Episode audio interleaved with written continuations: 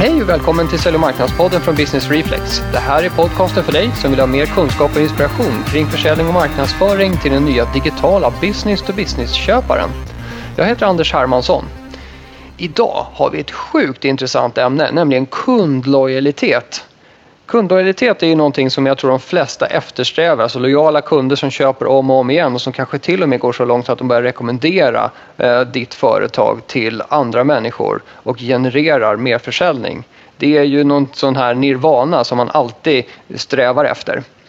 Jag har till min hjälp idag en gäst som jag intervjuar och det är Thomas Nilsson från företaget Veriday. Veriday håller på med design av både produkter och tjänster och är väldigt hårt inriktade på just det här med att förstå kunderna för att då kunna designa rätt produkter och rätt tjänsteupplevelser. Thomas är grymt bra på det här och han kommer gå igenom det här på ett strukturerat sätt tillsammans med mig. Så i och med det vill jag bara lämna över till intervjun med Thomas Nilsson.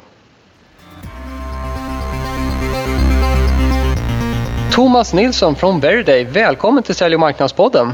Tack så hemskt mycket. Ja, kul att ha dig här. Jaha, visst. Det är kul att vara med. Ja, ämnet för dagen är kundlojalitet, men jag tänkte vi skulle börja lite grann med bara att du får förklara vem du är. Ja, Thomas Nilsson heter jag. Jag äh, arbetar på konsultföretaget Veriday. Vi är en designbyrå baserat i Stockholm och New York. På några andra ställen i världen också. Då. Eh, jag är en av ägarna till företaget och arbetar här med i princip är min uppgift att förstå människor så mycket som möjligt. Mm. Ur Kort vilken, och koncist. Ur vilken aspekt då, tänker jag? Nej, alltså jag jobbar ju med människors behov. Alltså, kund, alltså när jag pratar om människor pratar jag om olika sorters kunder. Då. Mm. Alltså jag jobbar med att, att förstå kunders behov. Eh, de behov som man har och kan verbalisera. Men framförallt latenta behov. Okay. Detta är alltså behov som kunder har men de inte kan verbalisera. Så det ah. jobbar jag med. Och sen så överföra den kunskapen då till till, eh, till våra eh, produkter, till våra tjänster och till, våra, ja, till vårt arbete helt enkelt. Intressant. Mycket intressant med det här som liksom ligger och möljar under ytan lite grann. För annars så kan man ju tänka sig att man har behov av en gaffel, då köper man en gaffel. Men vilken gaffel man väljer, det är det som är grejen alltså? Ja, alltså lite, alltså det här med latenta behov blir mer och mer det blir mer och mer viktigt. Eller liksom, det är klart det har varit viktigt i alla tider eh, och vi som jobbar med utveckling, vi jobbar ju med framtiden. Mm. Och i framtiden vill man ju liksom leverera någonting nytt som, så att kunderna känner wow, en sån där behöver jag. Det. Och det är det som vi kallar liksom latenta behov. Då. Mm. Och det är ju sådär att, jag menar, när du drog det här kaffe, gaffelexemplet, det är, det är klart att ja, men jag ska köpa en gaffel, då har man en gaffel framför sig. Liksom. Det är det jag behöver köpa. Ja. Men det kan vara så här att då har du tänkt att du ska ha en gaffel. Du har fattat ett beslut att du ska köpa just en gaffel. Mm. Men många beslut som vi fattar fattar vi baserat på andra saker. Alltså, det är alltså information eller kunskap eller behov som vi har som vi inte är medvetna om. Mm. Utan det är bara när du kommer i kontakt med den tjänsten eller den produkten då då vet inte du vad som fattar det här beslutet åt dig utan för att det liksom ligger där i ditt undermedvetna. Det här latenta behovet då. Och så helt plötsligt så konfronteras du med det där och bara pang, då, då köper man det. Det känns ju hur jobbigt som helst. alltså, det, jag menar, det, det, jag ska väl säga så här, när jag säger att jag jobbar med latenta behov, ja, men säg att i ett projekt hittar man liksom ett eller två latenta behov, mm. då ska man vara riktigt nöjd. Ja, just det. Ja, de, är, de är lite luriga. Och ja, de är liksom inte tio. Ja, just det. Jaha. Du, eh, kundlojalitet då. Varför började du intressera dig för det egentligen? Ja, alltså jag har alltid varit intresserad av människors beslutsfattande. För mm. det är det jag jobbar med. Och eh, min bakgrund var ju så att jag har bakgrund både från eh, design, teknik och beteendevetenskap. Så man kan väl egentligen säga att liksom jag är utbildad designer men var liksom inte tillräckligt bra designer för att designa. Okej. Nej, men skämt åsido. Utan att jag har alltid varit väldigt intresserad av varför människor fattar beslut. Uh, och där sökt mig till uh, grottat mig ganska mycket i psykologi. Mm. Och liksom bara för att försöka lära mig varför människor fattar beslut. Och till en början var det mycket sånt beslutsfattande när man utför någonting där man interagerar med mobiltelefon eller när man liksom eh, genomgår ett visst tjänsteflöde, vilka beslut man fattar där. Mm. Jag har jobbat i väldigt många år och parallellt med det här så har vi på Veriday och jag forskat inom området närliggande områden vad gäller beslutsfattande. Och lojalitet är ett sådant område. Okay. För att jag menar lojalitet det har ju med att man fattar ett beslut, att man fattar beslut av att köpa en viss produkt eller en viss tjänst. Mm. Och, eh, om och om igen kan jag tänka mig då. Låter det om och om igen. Ja, ja det låter väldigt attraktivt som leverantör att ha sådana kunder. Ja, det är klart att det är attraktivt som leverantör att ha sådana kunder. Och jag tycker det är väldigt... Och det är klart att eh, lojalitet vill man ha, men det är också viktigt för, för våra kunder att förstå lojalitet. Mm. Det är viktigt också för våra kunder, de som lyssnar på den här podden också, att, att förstå vad det är som bygger lojalitet. Just det. Ja, för mig är det ett litet mysterium. Jag är, eh, om jag bara lyfter fram ett varumärke som jag är lojal med så är det Apple. Och jag är ja. lojal med Apple in absurdum alltså. Ja jag, jag kan ju bli osams med folk som liksom rynkar på näsan åt Apple-produkter. Ja. Och jag vet ju att alla Apple-produkter är ju inte bäst i världen. Men på något sätt så är jag helt såld på det. Nej, alltså det är så att du, du har ju nått till den nivån att du, du identifierar dig med det varumärket och deras produkter och det liksom, de tjänster som de levererar. Oh. Du, ja, men om vi skulle titta på en NPS-skala från 0 till 10 där ja. då skulle man ju kunna säga att du ligger ovanför 10. Ja, faktiskt. Jag, jag är ju aktivt promotar ju det till Exakt. folk. Liksom. Det är ja. helt sjukt egentligen. Ja. Och, jag, och, och betalar dyra pengar dessutom för produkterna. Ja, det gör man Så att det är klart man vill komma dit lite grann intressant spin-off utav vårt arbete här. Att, att vi sitter och jobbar med en NPS, vi har gjort om NPS-skalan, så vi jobbar med en NPS-skala som går från 0 till 15. Då, för att just kunna liksom ta hand om sådana som dig. Oh. För att NPS slutar ju vid 10. Liksom, va? Det är ju så att ja, men om du är en klockren 10 på NPS, där, så om jag kommer och frågar dig Anders, ja hej Anders, tycker du jag ska köpa en Apple? Mm. Då säger du ja, det är klart du ska göra. Ja. Men de som ligger ovanför 10, det är ju de som att liksom, om jag sitter och käkar lunch så ja. kommer du liksom och bara säger du Thomas, du ska köpa en Apple. Just det. Jag förstår vad jag menar. Jag ja, precis. Är som deras mest aktiva säljare. Ja, det är liksom, du, är inte ens, du är mer än en promoter. Du är en aktiv promoter ja. av tjänster liksom, och varumärken. Nej, men för att komma tillbaka till din fråga då, så liksom lojalitet är, jag är väldigt intresserad av det. Dels är personlig, jag tycker att det är ett väldigt intressant område. Mm. Det kombinerar varumärke, det kombinerar liksom design, det kombinerar tjänsteutveckling, det kombinerar psykologi. Mm. Så därför hamnar jag där. Ja, härligt. Jag tänker bara den, den grundläggande frågan kring det här poddavsnittet. Varför ska man då sträva efter kundlojalitet? Visst, ett visst del av svaret på den är ju helt självklar, men vi kan väl bara ta den så att vi ja. har satt anledningen till det. Ja, och där skulle jag vilja, liksom, jag skulle vilja att vi, vi vred på det här uttrycket lojalitet. För jag känner lojalitet är ganska misshandlat under många år. Och, eh, nu riktar inte jag till någon kritik här, men under många år var lojalitet synonymt med ett lojalitetsprogram. Ja. Att jag gick till Stadium så fick jag frågan, vill du vara med i vår kundklubb? Liksom. Mm. Då sa jag, vad får jag för det? För jag är den typen av personligheten. Så jag frågade, vad får jag för det då? Ja. Då sa de, jo men då samlar du poäng och sen så kan du använda poängen här i butiken. Mm, mm. Okej, okay, så det var eh, lojalitet. Men jag tycker lojalitet, nu finns det 1050 sådana liksom. Och alla de där korten i börsen har liksom, det liksom kommer in ett så ramlar det ut ett. Och det har man börjat förstå. Ja. Det finns en trötthet bland konsumenterna också bland det där. Så jag skulle vilja prata om äkta eller sann lojalitet. Mm. Eh, som på engelsmännen pratar om true loyalty. Jag tycker ja. det konceptet är väldigt bra. För när du pratar om Apple, Anders, så pratar du om true loyalty. Ja.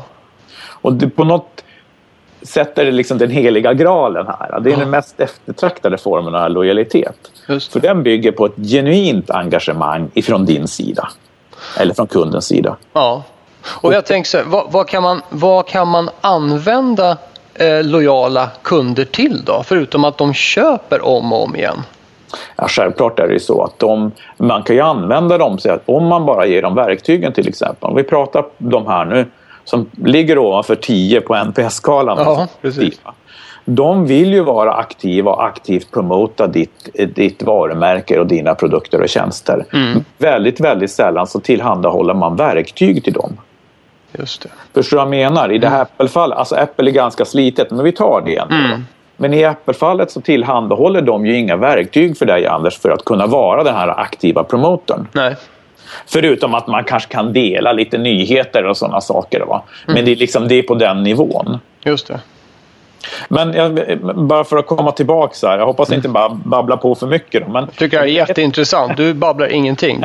Jättebra. Men, men det, det, det, här med true loyalty, den här sanna lojaliteten. Mm. Det som kärnan i det, det är att det engagemanget som är kärnan har ofta sin grund i en emotionell koppling. Mm. Med produkten, varumärket eller tjänsterna. Liksom? Just det. Och då innebär att en emotionell koppling det är att eh, vi liksom trycker på andra knappar och drar i andra spakar inuti din hjärna. Va? Mm.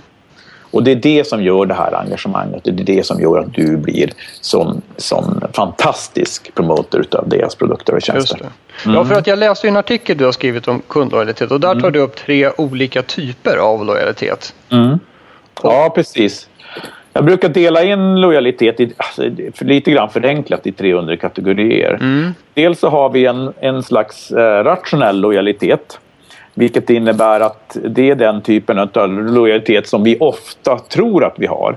Och när, när väl jag pluggade liksom, då fick man lära sig om rationellt beslutsfattande. Det vet ju du också. Liksom. Mm. Och det är det att man, liksom, ja, man tittar vad man har för alternativ, man mm. gör en analys och sen så utifrån det så fattar man ett beslut. Just det. Det, är så, det kallar vi jag för rationell lojalitet. Okay? Mm. Sen så finns det en beteendelojalitet. Och det är att man har ett, ett invant beteende. Och i det beteendet så innebär det då att jag, att jag blir lojal. Jag kan mm. dra ett exempel. Mm. Eh, jag hatar att veckohandla. Jag tycker att det är fruktansvärt tråkigt. Och av någon underlig anledning så lyckas vi göra det på lördagar också. Och jag mm. känner verkligen att lördagar, där kan jag göra andra saker. Mm. Men eh, vi veckohandlar på lördagar i min familj. Och då är det så här att då har jag valt att veckohandla på Coop Forum i Bromma. Mm. Av den enkla anledningen därför att då, där vet jag exakt vart varorna finns. Vilket innebär att jag kan minimera den tiden som det tar för mig att veckohandla. Okay. Däremot så kan jag nog känna ibland att Coop i Bromma är ditt sämre val. Och att jag ah, kanske skulle vilja åka kanske till Solna och den nya liksom, ICA Maxi där, mm, känner jag. Just det. Men det gör jag inte. Därför att jag känner att om jag skulle åka dit skulle det ta längre tid för mig att handla. Förstår du vad jag menar? Ja, förstår. Det... Så det rationella utifrån produktkvalitet eller utbud och sånt pekar på ICA. Medans du kör ja. på tidsoptimeringen och då blir det beteende, lojalitet mot Coop där. De ligger bra till helt enkelt. Ja, den ligger bra till liksom. Ja. Och det finns många, många andra, många andra exempel på det där. Liksom. Det. Liksom, man har ett invalt beteende och liksom därför blir man lojal gentemot mm. det. Då, liksom då. Och den tredje då, så då har vi liksom beteendelojalitet, vi har rationell lojalitet. Och den tredje liksom, typen av lojalitet det kallar jag för emotionell lojalitet. Mm. Och det var ju det som jag var inne i tidigare. Liksom, att, att, den emotionella lojaliteten den drar i, i vissa spakar och trycker på andra knappar inuti ditt huvud mm. gentemot den rationella och beteendelojaliteten. Och det finns en väldigt, om man, titt, om man skulle titta på dem liksom rent objektivt, de här tre, va, så kan man säga att rationell lojalitet, lojalitet och emotionell lojalitet, de är ju varandras motsatser lite grann. Mm, Men däremot så samverkar de eh, i ganska många fall. Och det kan gå till så att man, man, är, man fattar ett beslut på emotionella grunder. Mm. Men efteråt så rationaliserar man fram det beslutet. Just det, för det kan ju finnas andra människor som man måste motivera det här för. Kanske. Ja. Eller även för sig själv kanske. Men, ja, ja. ja. och jag, jag, skulle säga att det är ungefär 55. Det finns andra människor. Ja. Det finns kollegor som frågar oh, men varför köpte du liksom den där? Ja, just det. Varför köpte du en Volvo V70? Den är hur tråkig som helst. Va? Och därför kanske man behöver liksom efterrationalisera. Just. Men det gör man även för sig själv. Mm. Du vet det här, jo men jag har jobbat så hårt den här veckan och jag känner ju liksom att det, det där är nog värd. Mm. Eh, då liksom har man liksom rationaliserat fram att man är värd en viss sak. Eller att Jo, men det är inte så stor skillnad mellan de här två olika bankerna och deras liksom, eh, låneräntor va, egentligen. Så stannar jag kvar vid den här banken som jag, liksom, som jag, liksom, som jag har idag. Ja. Mm. Mm. Ja, intressant. Så de där två, de där två växelverkar lite ja, de, Jag skulle säga att de samverkar. Mm. De, eh, de samverkar mycket mer än vad man tror också. Då. Och lite grann vad jag vill komma till det är att den här emotionella lojaliteten är väldigt, väldigt stark. Ja. Och den är väldigt, väldigt framträdande hos egentligen alla människor. Ehm, men lite grann beroende på vilken, vilken typ av personlighet man har. Just kan det. man säga. Så släpper man fram den olika mycket. Jag tänker på, när du sa personlighet, jag tänker på sån här diskanalys och såna här blåa personer som är mm. rationella och så här formella. Och, ja. Mm. Där kanske då det rationella är lite lite, mm, så har lite större betydelse för de människorna. Men det är ju säkerligen så att de även naturligtvis är emotionella beslutsfattare. De fattar även beslut på emotionella grunder. Man brukar säga att emotioner guidar oss i det okända. Mm. När vi gör någonting som för oss är okänt så använder vi emotionerna som en karta för att guida oss. Mm. Och även de här, de här blå personerna som du pratar om, de här målinriktade personligheterna. Mm. De använder emotionerna också och magkänslan för att liksom guida dem i beslut där de inte riktigt har tillräckligt mycket information. Så. Just det. Eh, det gör man. Men, men däremot kan man ju, kan man ju se att eh, de, den typen av människor, de eh, jag ska inte säga att de efterrationaliserar mer, men de, de ser sig själva i större, högre utdrag som eh, rationella beslutsfattare och kommunicerar sina beslut i rationella termer. Mm. Men, ursäkta, när vi gör äh, projekt med våra kunder då mm. inleder vi de strategisessionerna med att göra en, en, äh, personanalys där vi ja. går igenom eh, fem aspekter av en person. Med, det ingår framgångsfaktorer och köpbeteende och eh, upplevda hinder och sådana saker. Hur, skulle man gå så långt så att man på något sätt skulle, om man kunde, skulle man segmentera marknaden utifrån vilka känslor folk har? Eller hur ska man se på det där? Så jag, Jättebra fråga. jag är så, vi är så glada att du ställer den. För det är ju lite grann den här nästa grej som vi håller på att jobba med på Värday väldigt mycket. Ja. Det är liksom bättre segmentering. Ja. Vi pratar just utifrån emotioner och vi pratar just utifrån personlighet. Mm. Och jag tror att självklart när ni jobbar med personas eller användarprofiler mm. för kunder för ett företag. Det, självklart ska man ha med sådana faktorer. Då. Mm. Jag menar Tänk dig själv liksom att sättet att sälja ett mobiltelefonabonnemang mm. till en målinriktad person skiljer sig ju helt ifrån sättet att sälja ett mobiltelefonabonnemang till en introvert person. Just det. Men de är lika många i samhället. Ja. Alltså, vi, vi ska inte liksom förledas till att tro att de introverta är någon slags minoritet i samhället de är precis lika många som de extroverta. Ja, just det. Men de hörs lite mindre såklart. Såklart, de hörs mindre. Så när ni, när ni gör er liksom, när ni gör er research eller era kunder gör er research och mm. pratar med sina kunder mm. så kommer de ju att ringa upp till, liksom, man, man uh, hyr in en rekryterare så kommer de att ringa upp liksom, enligt, enligt kundlistor och så, där. så, kommer, så svarar du då Anders säger hej hej, skulle du vilja svara på några frågor om våra varor och tjänster? Mm. Det är klart att det är en introvert person så de, kommer, de säger bara nej. Va? Just det. Är det en målinriktad person så säger de vad får jag för det? Mm. Och betalar man tillräckligt mycket då så får man prata med dem. Just det. Så är, det en, är det en sån här gul person, diskgul, då ja. kommer åh, men ni vill prata med mig, vad härligt. Exakt, och det kan man ju se då. Så jag kan tycka att rätt mycket av den här liksom, kundinsikterna som görs idag, eh, den baserar sig ju på de extroverta personerna, de här gula personerna. Mm. För det är de som tackar ja. Just det. Ja, men, men, mm. men tillbaka till, till era personas eller användarprofiler. Så mm. Det är mm. självklart att det att personlighet och de emotioner som kommer med vissa typer av personligheter det, det, det behöver man addera till eh, sådana här personas. Mm. Därför att när det gäller kommunikation, när det gäller tjänster, digitala eller liksom, eh, fysiska tjänster eller produkter så vill man veta det. Ja. För ja, det är ju en otroligt bra underlag för kommunikation naturligtvis och även design och saker och ting.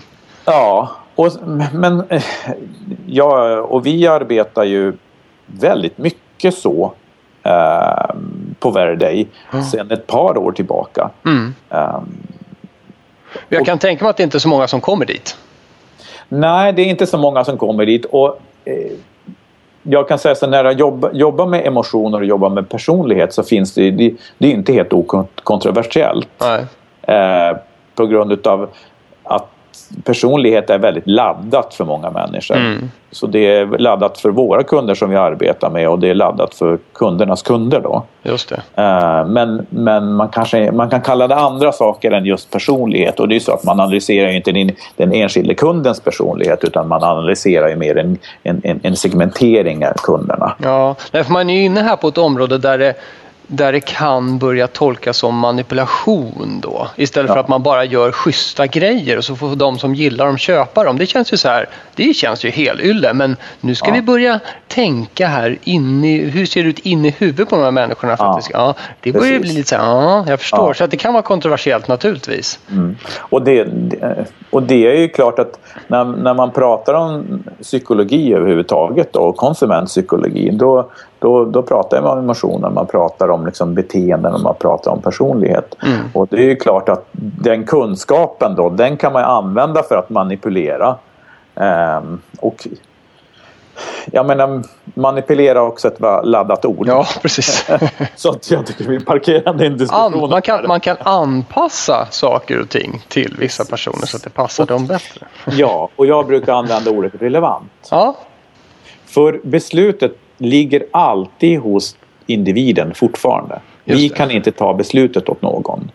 Då känner jag, då har man manipulerat. Mm. Men det som det här handlar om, om det är så här eh, den här typen av sann lojalitet och de här tre olika typerna av lojalitet som vi jobbar med. Rationell, beteende och eh, emotionell lojalitet. Mm. All kunskapen runt omkring det syftar till att bli mer relevant Just det. för kunden. Och kunna ge relevant kommunikation. Ja.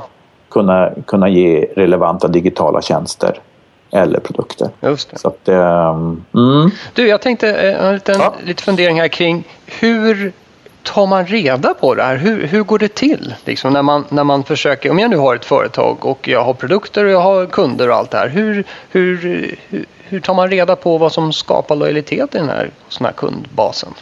Ja, alltså egentligen har man ju två, man har ju tre tre kunskapskällor skulle man kunna tänka, eh, tänka eller jag vet att man har det. Mm.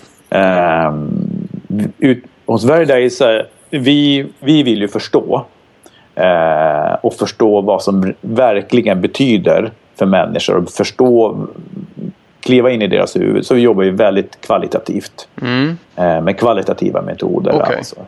Eh, så det, det är en är att man jobbar med sådana saker. Man liksom mm. träffar kunder en och en eller i mindre grupper och sen så pratar vi om liksom de här sakerna och vad de betyder.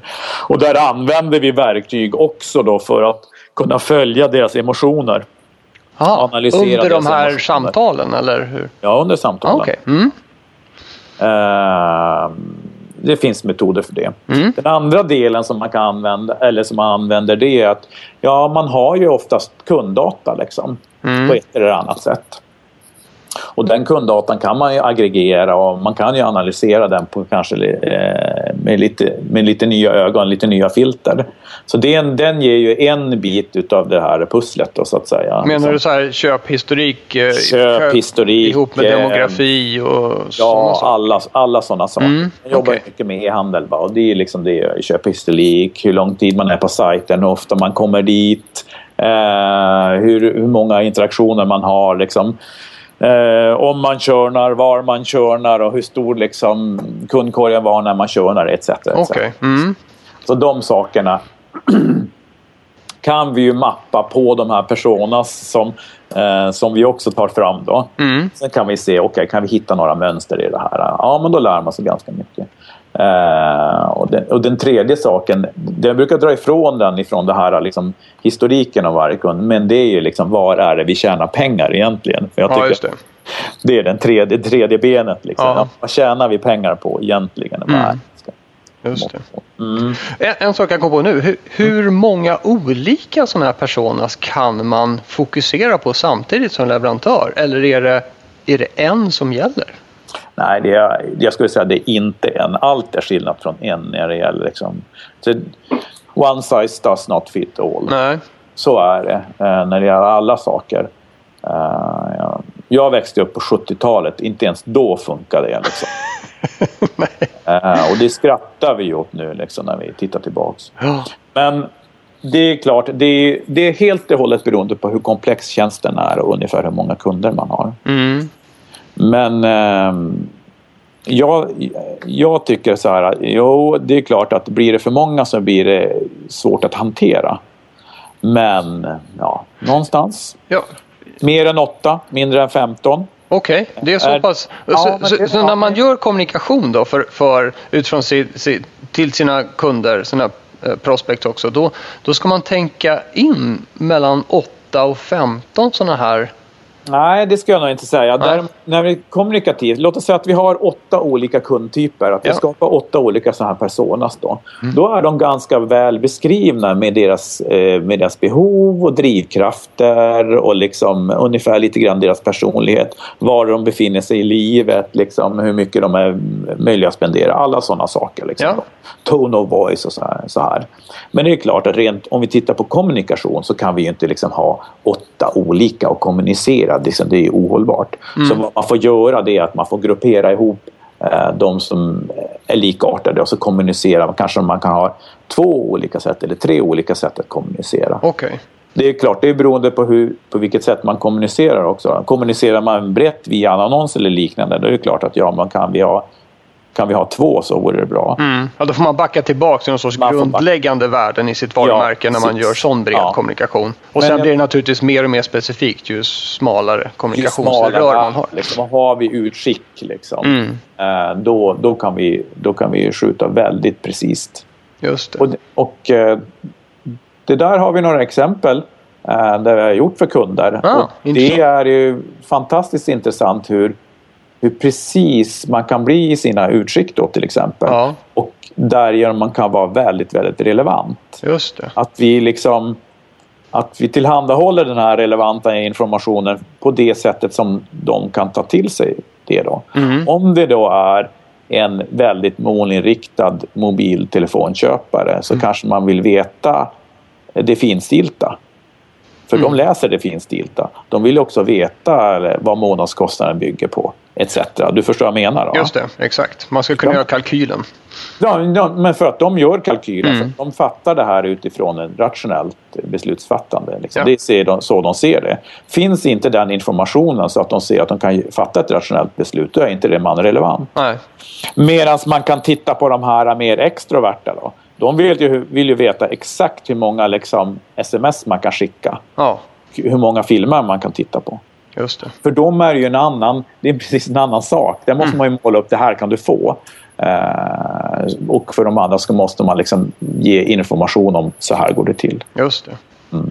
Jaha, om jag vet inte, det här kanske är en supersvår fråga att ställa, men om man tänker då, okej, okay, nu, har vi, nu har vi tagit fram eh, våra personas och så tänker jag så här, nu ska vi börja, nu ska vi börja jobba för att få lojala kunder på ett sätt som vi inte har gjort förut. man tänker man har ju olika sätt. Dels har man ju sin kommunikation övergripande. Sen mm. i sin leverans av sin tjänst eller produkt och sen själva produkten i sig då.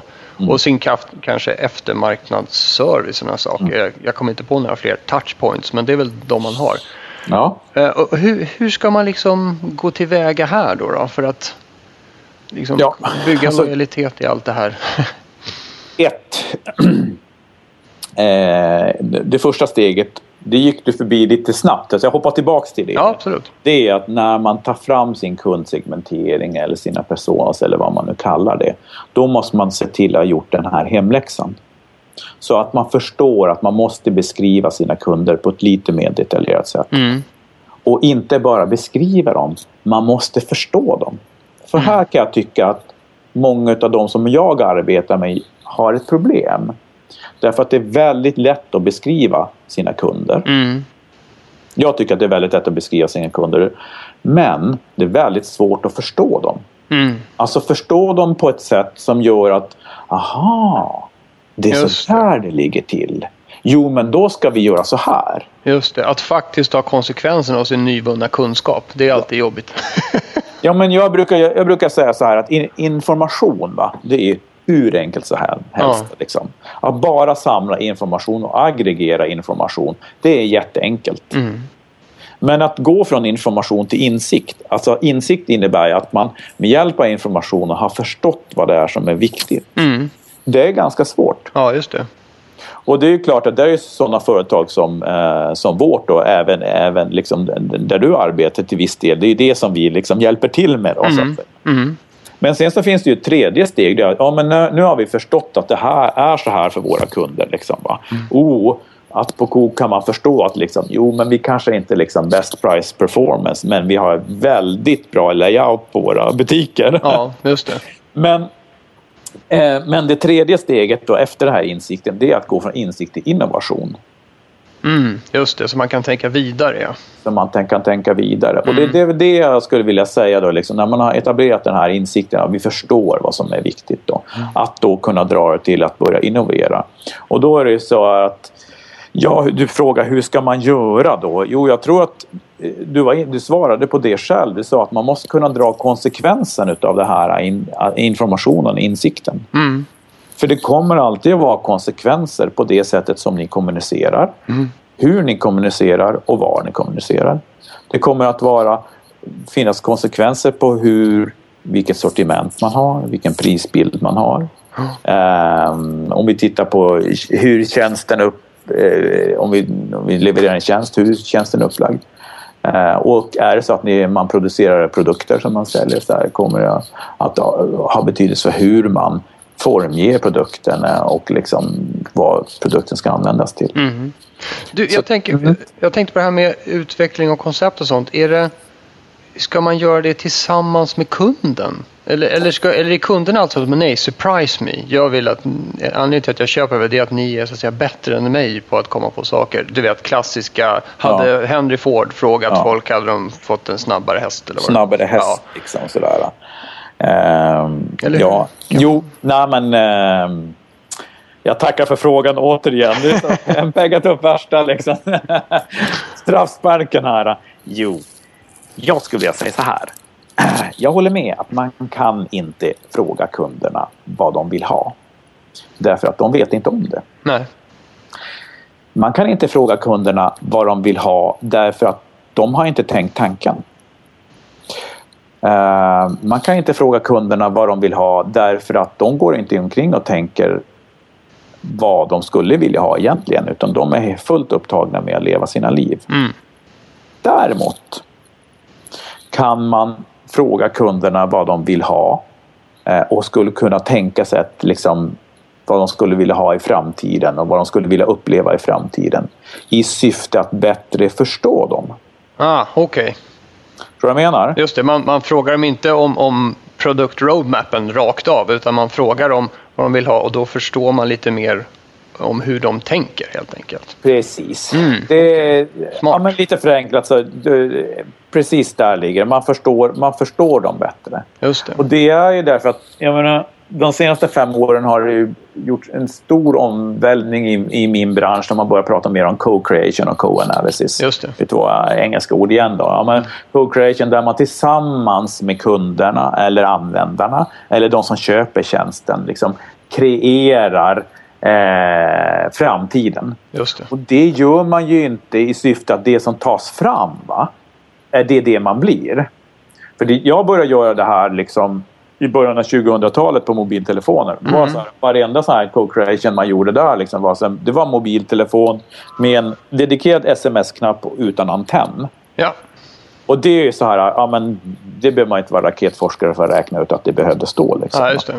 Men vi lärde oss ju en massa andra saker som man kunde bygga in i, runt omkring tjänsten mm. eller på det sättet man kommunicerar. Det. Så det är med co-creation. Sen så jobbar jag mycket med co-analysis också som jag vill slå ett slag för. Det tycker jag är underskattat. Och det är att, jo men då gör vi så här att låt oss säga att jag kommer att intervjua dig Anders då. Och när, under intervjun så sa jag så här, men du Anders, du, vi, har, vi har aggregerat data om kunder som dig. Ur vår databas. Vi har även in, eh, intervjuat andra kunder som dig som är så här sjukligt Apple-fanatiker. Ja.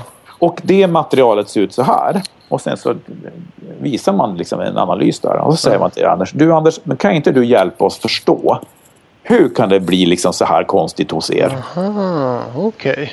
Så det hjälper de oss att förstå hur det är. Och det är inte så att vi vill att de ska analysera vad det här egentligen beror på. Du, mm. så vi konfronterar dig med en verklighet så Ja. ber vi dig hjälpa oss förstå det där. Och Just. när du förklarar det för oss så lär vi oss en hel del. Ah, smart. Vi, vi pratar ju ofta, som, vi har något sånt här begrepp, relevans är väldigt, jag var glad när du sa det, för det är Mm. väldigt centralt. Vi slutar varje podd med att önska att alla ska vara relevanta. Men, men sen har vi också att man ska tänka utifrån och in. Ja. Och där, där tänker vi att ett företag som kanske är lite introvert och tänker på sina uspar mest hela dagarna, att, att man, att man eh, börjar med att försöka få en, en utifrån och in perspektiv på sin kommunikation. Och Ja. sen när man har gjort det så att kunderna får den känslan, då går man vidare och försöker transformera sälj säljupplevelsen, alltså säljprocessen så att den också är utifrån och innig. Och sen när man har gjort det och har förhoppningsvis en bra dialog med sina kunder, man har skapat den här ytan för dialog och förståelse med kunderna, då öppnar man också upp tredje steget, att öppna upp innovationsprocessen. Eh, Men det var intressant det där du sa om analysen, att man bjuder in sina kunder. För det där är ofta så att vi har analyserat våra kunder här, men det kan vi inte tala om för dem. Nej, det är, är säkert någon annan. Det är säkert ICA sitter och lyssnar på. Alltså. Ja. Jag håller med om de här tre stegen. Jag tycker, de är, jag tycker också de är... Eh, det är ett relevant sätt att göra det. Mm. Eh, jag tycker det här tredje steget tycker jag personligen är väldigt, väldigt spännande. Eh, kräver väldigt mycket eh, lite guts ifrån Ja. företagets sida och det kan även kräva en hel del handpåläggning. Så att man ska inte säga att det, det, det kan vara lite dyrt. Ja, okej. Ja. Och, jag tror, och, och det kräver ju väldigt alltså, att man måste tänka helt nytt. För det är ofta så här, nej, men nu sitter vi i vårt mörka labb här och, så ut, och sen säger vi tada! Ja. Det är väl den, den sätt, det sättet man tänker att man ska innovera på. Ja. Mm. Det, det, ja, och det finns fortfarande kvar. att Det, det är det sättet man ska innovera på. Men jag kan tycka att man kan ju liksom inte innovera helt öppet heller. Va? Så man måste hitta någon sweet spot där. Ja, ja, ja, det är Eh, sant. Man kan inte... Vad man ska söka stöd hos kunderna det är att... Dels så tror jag det här tredje steget där man är väldigt öppen med sin innovation. Det kan skapa väldigt, väldigt mycket lojalitet hos sådana som dig till exempel. Mm. Där ni då kan se vad, som, vad Apple kommer att, vad de jobbar med, hur de jobbar liksom. Och ni kan komma med input till det. Det. Och då kommer det blir ett av de här verktygen som en sån som du Ander, är okej om jag använder som exempel? Absolut. Men det, så- det blir ett sånt verktyg som jag pratade om från början där när ni som ligger ovanför MPS 10 där ni vill vara active promoted. Det blir ett Ja. sånt verktyg som då kan du komma det dragande till mig och säga du kolla här. Ja, Apple iPad Pro 3. Den, den kommer om eh, 11 månader och 4 dagar liksom. Just Sånt det. ha. Det är lite inside här. Ja, Mm. men såklart. Ja, visst. Eh, Det blir ett sånt verktyg. Ja. Du, jag tänkte eh, lite grann, den här eh, podden är ju, är ju eh, belyssnad till största delen av business to business eh. Vi har ju haft tassat lite grann kring eh, konsumentsidan här. Om man ska försöka spekulera lite grann kring skillnaderna och likheterna mellan konsumentmarknaden och business to business. Vad ska vi säga om det tycker du? Jag skulle vilja säga så här att business to business eh, besluten där fattas även utav människor. Mm. Då har vi liksom etablerat det då så att... Och känns då? Ja, precis. Ja, liksom, där man, man fattar besluten vad man ska köpa för någonting fattas även av människor. Eh, så att det här med beteende, lojalitet, eh, rationell lojalitet och emotionell lojalitet det är fortfarande relevant i business to business. Däremot så ser det lite grann annorlunda ut. I business to business har man där är man mer drillad och där kan, har man mer policy så att man fa- fattar ett rationellt beslut. Ja, just det. Så det är klart att för business to business-kunder, där måste man till, se till att tillhandahålla de här datan för att kunna fatta ett rationellt beslut. Just det, för där, där behöver man i, i mycket högre grad rationalisera sitt känslomässiga beslut. För Ja. det, det ska man stå upp för internt för ledningsgruppen och säga jag tror att vi ska köpa det här. Och då Ja. säger de va? Ja. Jo, jag har nämligen argumenten här. Man kan inte bara stå som ett fån och säga ja, men jag tycker det verkar jättebra. Ja, men precis. Och det sa du ju exakt. Eh, du uttryckte det ohyggligt bra där. Och det är ju så här att jo, det är klart, även om man är i business to business där man liksom verkligen är drillad till att fatta rationella beslut. Man ser price performance så köper man det bästa. Liksom. Mm. Även där så fattar människor emotionella beslut. På individ och ledningsgruppsnivå så fattas det emotionella beslut i mycket, mycket större utsträckning än vad vi tror. Eller man, vad, vad man vill. Ja, jag tänkte säga vad vi vill tror jag. Vi vill Ja, ju, ja, det känns professionellt att vara rationell på något sätt. Ja. Exakt. För det är lite så här, oh, han är en känslomänniska. Och så ser man ner lite grann på den här personen. Jo, men alltså, då vet man att den här känslomänniskorna de liksom är bra till vissa saker. Och det är klart att de som jobbar på strategiskt inköp, det är väl kanske inte de mest flegmatiska. Liksom. Det är inte de som står och liksom flaxar med armarna i lunchrummet. Liksom. Det- brukar inte vara. De brukar hamna på kommunikation och marknad. Ja, just det. Just det, där är de. Men de som jobbar på strategiskt inköp, det är den, den typen. Och det är ju klart att är det så här att det är business to business där, oh, men vi säljer gentemot eh, inköpare, strategiska inköpare. Mm. Eller liksom.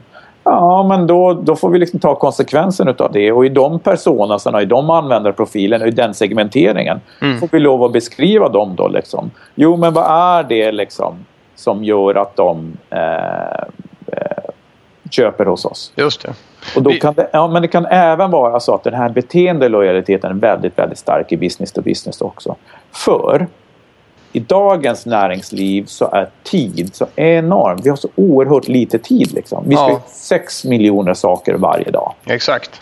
Och då är det så här att ja, det är klart att det är bara att gå tillbaka till mig. Jag handlar på Coop Forum i Bromma därför att det sparar tid för mig. Mm. Precis samma argument kan man dra till business to business också. Ja, just det. Det, det, vi, vi eh, pratade i en tidigare podd om eh, en bok som heter The Challenger Customer som är skriven av eh, någon form av institut i USA som heter Corporate Executive Board. Och de Okej. har tittat på, på, på beslutsprocessen, hur den ser ut just nu. Och att de har kommit fram till att i medel är det 5,4 beslutsfattare inblandade i ett mer komplext business-to-business-köp. Ja. Och de kan ju då vara olika de här 5,4 personerna men alla de har ju så att säga ett jobb att sköta på dagarna. Mm. Så att de här beslutsprocesserna drar oerhört långt, eller det kan dra ut på tiden och framförallt så dör de mitt i. De, kan inte, de här människorna kan inte komma fram till någon form av eh, tillräckligt kraftfull konsensusbeslut för att driva köpprocessen vidare. Och det här är ju intressant, kan man ge alla de här olika typerna av, av personer då ett tillräckligt starkt, starkt skäl för att driva den här, det här initiativet vidare, då, då har man ju större chans att affären överhuvudtaget ska bli av. Men Och det är då- oerhört ja, och det, komplext. ja, men, och det slår ju på precis hur ska man kommunicera till de här personerna. Mm. Vilka, liksom, vilka verktyg ska man ge dem då? Och det slår ju också på hur ska den, om vi säljer en tjänst, ja, men hur ska den här tjänsten vara utformad? Mm. Så att i vår, när vi jobbar med tjänsteutveckling här så då jobbar, liksom, det jobbar vi med kundresor. Alla jobbar ju med kundresor just nu. Ja, precis. User journeys, va? Och jag, jag känner så här, jo det där är väl bra men Mm. det som det är bra det är att man får liksom samsyn och att man illustrerar liksom de stegen en kund går igenom. Ja. Ja. vi har en business to business kund då. Det vi börjar jobba med liksom är att vi, liksom, vi pratar inget om något för utan vi pratar om hur ska man sälja produkten också. Mm.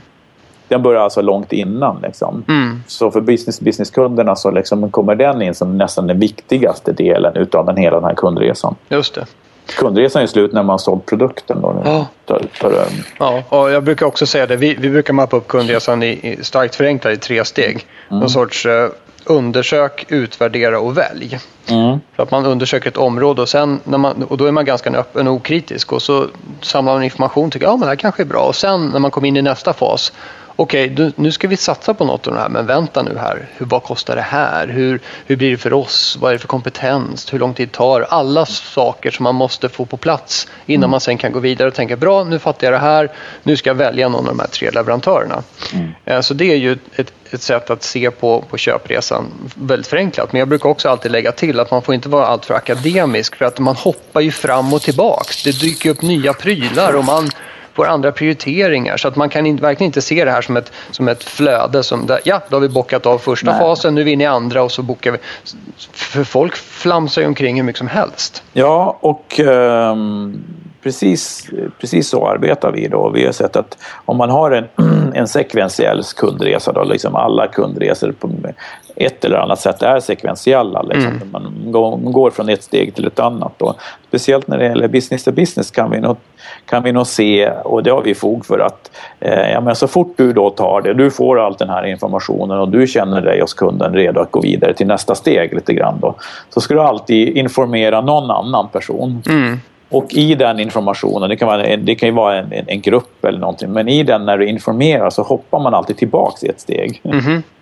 Du förstår vad jag menar? Mm, det är som det. går i monopol. Vi går framåt. Va? Oj, ja. men nu har vi ett möte. Liksom. Men nu har vi en review. Och då hoppar man tillbaks ett steg. Just det. det gäller, så att jag håller med dig när du säger där. Vi, man får inte tro att bara man har bara man gått ett steg framåt så liksom... Så, är man där minst? Nej. Nej, precis. De här historiska stegen är minst lika viktiga för de finns ju faktiskt med. Just det. Vilket, ja. ja. Jag tänkte så här, nu tänkte jag bara försöka runda av lite grann här. Oj, om, om, ja, nej, det är lugnt. Det, det här är superintressant. Vi skulle säkert kunna sitta och prata hela dagen känns det som. Men, men eh, jag tänker så här, om man nu ska försöka börja tänka i de här termerna kring kundlojalitet och hur man skapar mer lojala kunder. Ja. Eh, man har säkert haft en känsla för kunden i centrum och sånt där sedan 80-talet men inte riktigt tagit konsekvenserna av det. Så, men om man nu ska vara lite, ta en seriös eh, ståndpunkt kring det här med kundlojalitet. Vad tycker du att man bör börja med? Kan man, kan man ta fram en enskild sak som folk skulle kunna göra, börja med imorgon? Ja, och det är att det är det som jag pratade om tidigare. Det är att eh, steg ett är verkligen att försöka förstå kunderna. Ja. Det är det, det är det som man måste göra. Det är steg ett och det svåraste steget också. Och det är därför så många liksom tänker så här, nu ska jag jobba med lojalitet. Ja, vi köper in något så här lojalitetssystem. Ja, just det. Då, då börjar vi jobba med lojalitet. Liksom så här, och, eller att vi skapar någon slags trappar, att man samlar poäng eller någonting liknande. Ja. Mm. Men det, är ju, det har man hoppat direkt till steg tre så att säga. Då. Just det, man förutsätter en himla massa grejer om man tar det ja, beslutet. Precis. Nej, men steg ett såklart att man ska förstå kunderna mm. och att segmentera kunderna på ett bättre sätt, mer relevant sätt. Och då kan man börja med, med det här, eh, du, du nämnde ju ett av de sätten att börja förstå, det är det kvalitativa. Ja. Så om man bara har lite struktur på det där så skulle man kunna börja med att intervjua några av sina kunder helt enkelt. Helt rätt. Mm. Och vanligtvis så eh, de, de som jag arbetar med de är oftast hyfsat duktiga på det kvantitativa. Ja. Uh, man har liksom data och man, liksom, uh, man kan plocka fram data om kvantitativ beteendedata om sina kunder. Man vet också vart man tjänar pengar. Va? Ja. Men man har väldigt dålig koll på vad kunderna egentligen tycker. Ja. Och man har framförallt ingen som helst koll på vad kunderna skulle vilja ha i framtiden. Nej, För då har man, då har man dragit, ah, men vi kan ju inte fråga kunderna. Nej, precis. Det är ju pinsamt. Man kan inte säga det. Liksom. Sådär, shit, liksom. Ska vi blotta oss där att vi inte har en aning om vad de vill ha i framtiden? Ja, det men jag tycker att det där är jättesvårt. Och tillbaks, tillbaks till det som vi började prata om när du när jag nämnde det här med latenta behov som du tyckte lät ganska intressant. Mm. Det är ju det vi pratar om då. Ja. Så att det ska jag väl kanske inte säga att det är det man... Då kanske man behöver lite hjälp ifrån sådana som dig och mig som kan hjälpa till om det, med mm. det. Liksom. Och det är ju speciella metoder och det är ju inte vem som helst som kan göra det. Nej. Men steg ett som man kan göra liksom, eh, även om jag liksom har en firma som säljer rördelar. Ja. Det är ju att eh, skapa ett forum där man liksom mer kvalitativt börjar närma sig kunderna och börjar ta reda på och börjar vara en del i deras diskussion. Ja. ja, jag brukar ju säga så att man måste faktiskt i själ och hjärta bli extremt intresserad av sina kunder. Alltså ja, verkligen bli det. För oftast så är många företag är väldigt intresserade av sina pengar och sina produkter. Mm. Men man behöver faktiskt verkligen känna att man undrar saker över sina kunder och var, känna motiverat att, att, ta reda på det. Ja. Det tror jag upplever, bara en sån sak upplevs nog som väldigt eh, lojalitetsskapande hos kunderna också om man bryr sig om dem faktiskt. Ja, visst. Det, jag jobbar ju med ett, ett, ett, ett stort svenskt företag och de kanske gör, vad ska vi säga, 400 kvalitativa intervjuer per år. Oj, ja. Du ser. Med sina kunder. Ja. Och det är så att till det så kommer även liksom mer kvantitativa saker. Ja. Men, vi, men bara en sån, jag har sagt till dem, det är klart ni måste säga det. Det måste ni kommunicera. Ja, Ni måste ju kommunicera att ni gör allt det här arbetet i syfte att bli bättre. precis. Och då är det så här att första gången jag sa det så sa man, nej men vi kan ju inte säga det. Nej, Varför det då då? Jo, men då säger vi indirekt att vi inte Att vi- är bra. att vi inte är bra eller att vi inte har koll. Och det, det hoppas jag verkligen kommer ändra. Det har ju ändrats i det här fallet. Nu har man en sån här en utvecklingsblogg dit kunderna kan komma liksom, och titta vad man håller på att utveckla. Och, man, man, man, och där kan man även klicka på länkar och skicka in sina egna saker. Och, Precis. Men, men du förstår vad jag menar. Va? Nu var ju det några år sedan, kanske var fyra år sedan. Men, men jag tror att den, den attityden finns tyvärr fortfarande kvar. Ja. Ja, underbart Thomas. Gud vad intressant det här var. Det, det är verkligen ett intressant ämne och, och kul att reda ut begreppen lite grann här och faktiskt lyfta fram hur viktiga de här sakerna är för, för att man ska bli framgångsrik helt enkelt. Du, jag tänkte jag har en sista avslutande fråga bara. Om det är någon som skulle vilja få tag på dig i den här digitala soppan vi lever i, hur gör man då? Ja, då, då får man helt enkelt... Googla Thomas Nilsson är inte riktigt rätt sätt. liksom. Nej, tyvärr inte. Nej, vad man gör det är att man kan, eh, man kan gå in på mitt företags hemsida veriday.com. Mm. Eh, och där, där kan man söka rätt på mig. Jag finns under People tror jag. Okej. Och, ehm, så då är det bara att kontakta mig. Ja. Man kan även följa mig på Twitter, tom, tom underscore veriday. Eh, där försöker jag twittra lite grann min vardag som, som CX UX-arbetare. Ah, perfekt. Så det är inga större tankar där, men däremot försöker jag ge små, små bilder av att min vardag av att jobba med sådana här saker. Ja. Så, eh, där kommer det bilder ifrån kundträffar och där kommer liksom bilder ifrån olika saker. Det kan man göra. Lysande. Tack snälla Thomas än en gång för att du tog dig tid att vara med i Sälj och marknadspodden. Ja, tack själv. Det var jätteroligt att få vara med. Och jag hoppas att jag inte har snackat allt för mycket. Du har varit superrelevant hela tiden. Ja, tack. Ja, just ja. Tack så mycket Anders. Ja, det var intervjun med Thomas Nilsson från Veriday. Jag hoppas att ni fick ut någonting av det här. Jag tycker det är ett oerhört spännande ämne och det är väldigt mycket man kan göra inom just området kundlojalitet. Och jag tror att ska man bli riktigt framgångsrik så behöver man verkligen bli extremt intresserad av sina kunder, sina köpare eh, och förstå dem i grunden. Det är först då man kan eh, göra rätt saker för att skapa en lojal kundbas. I och med det vill jag tacka för denna gång och hoppas att vi hörs snart igen i något härligt program från Sälj och marknadspodden. Och hörni ni, glöm inte att vara relevanta. Hej då!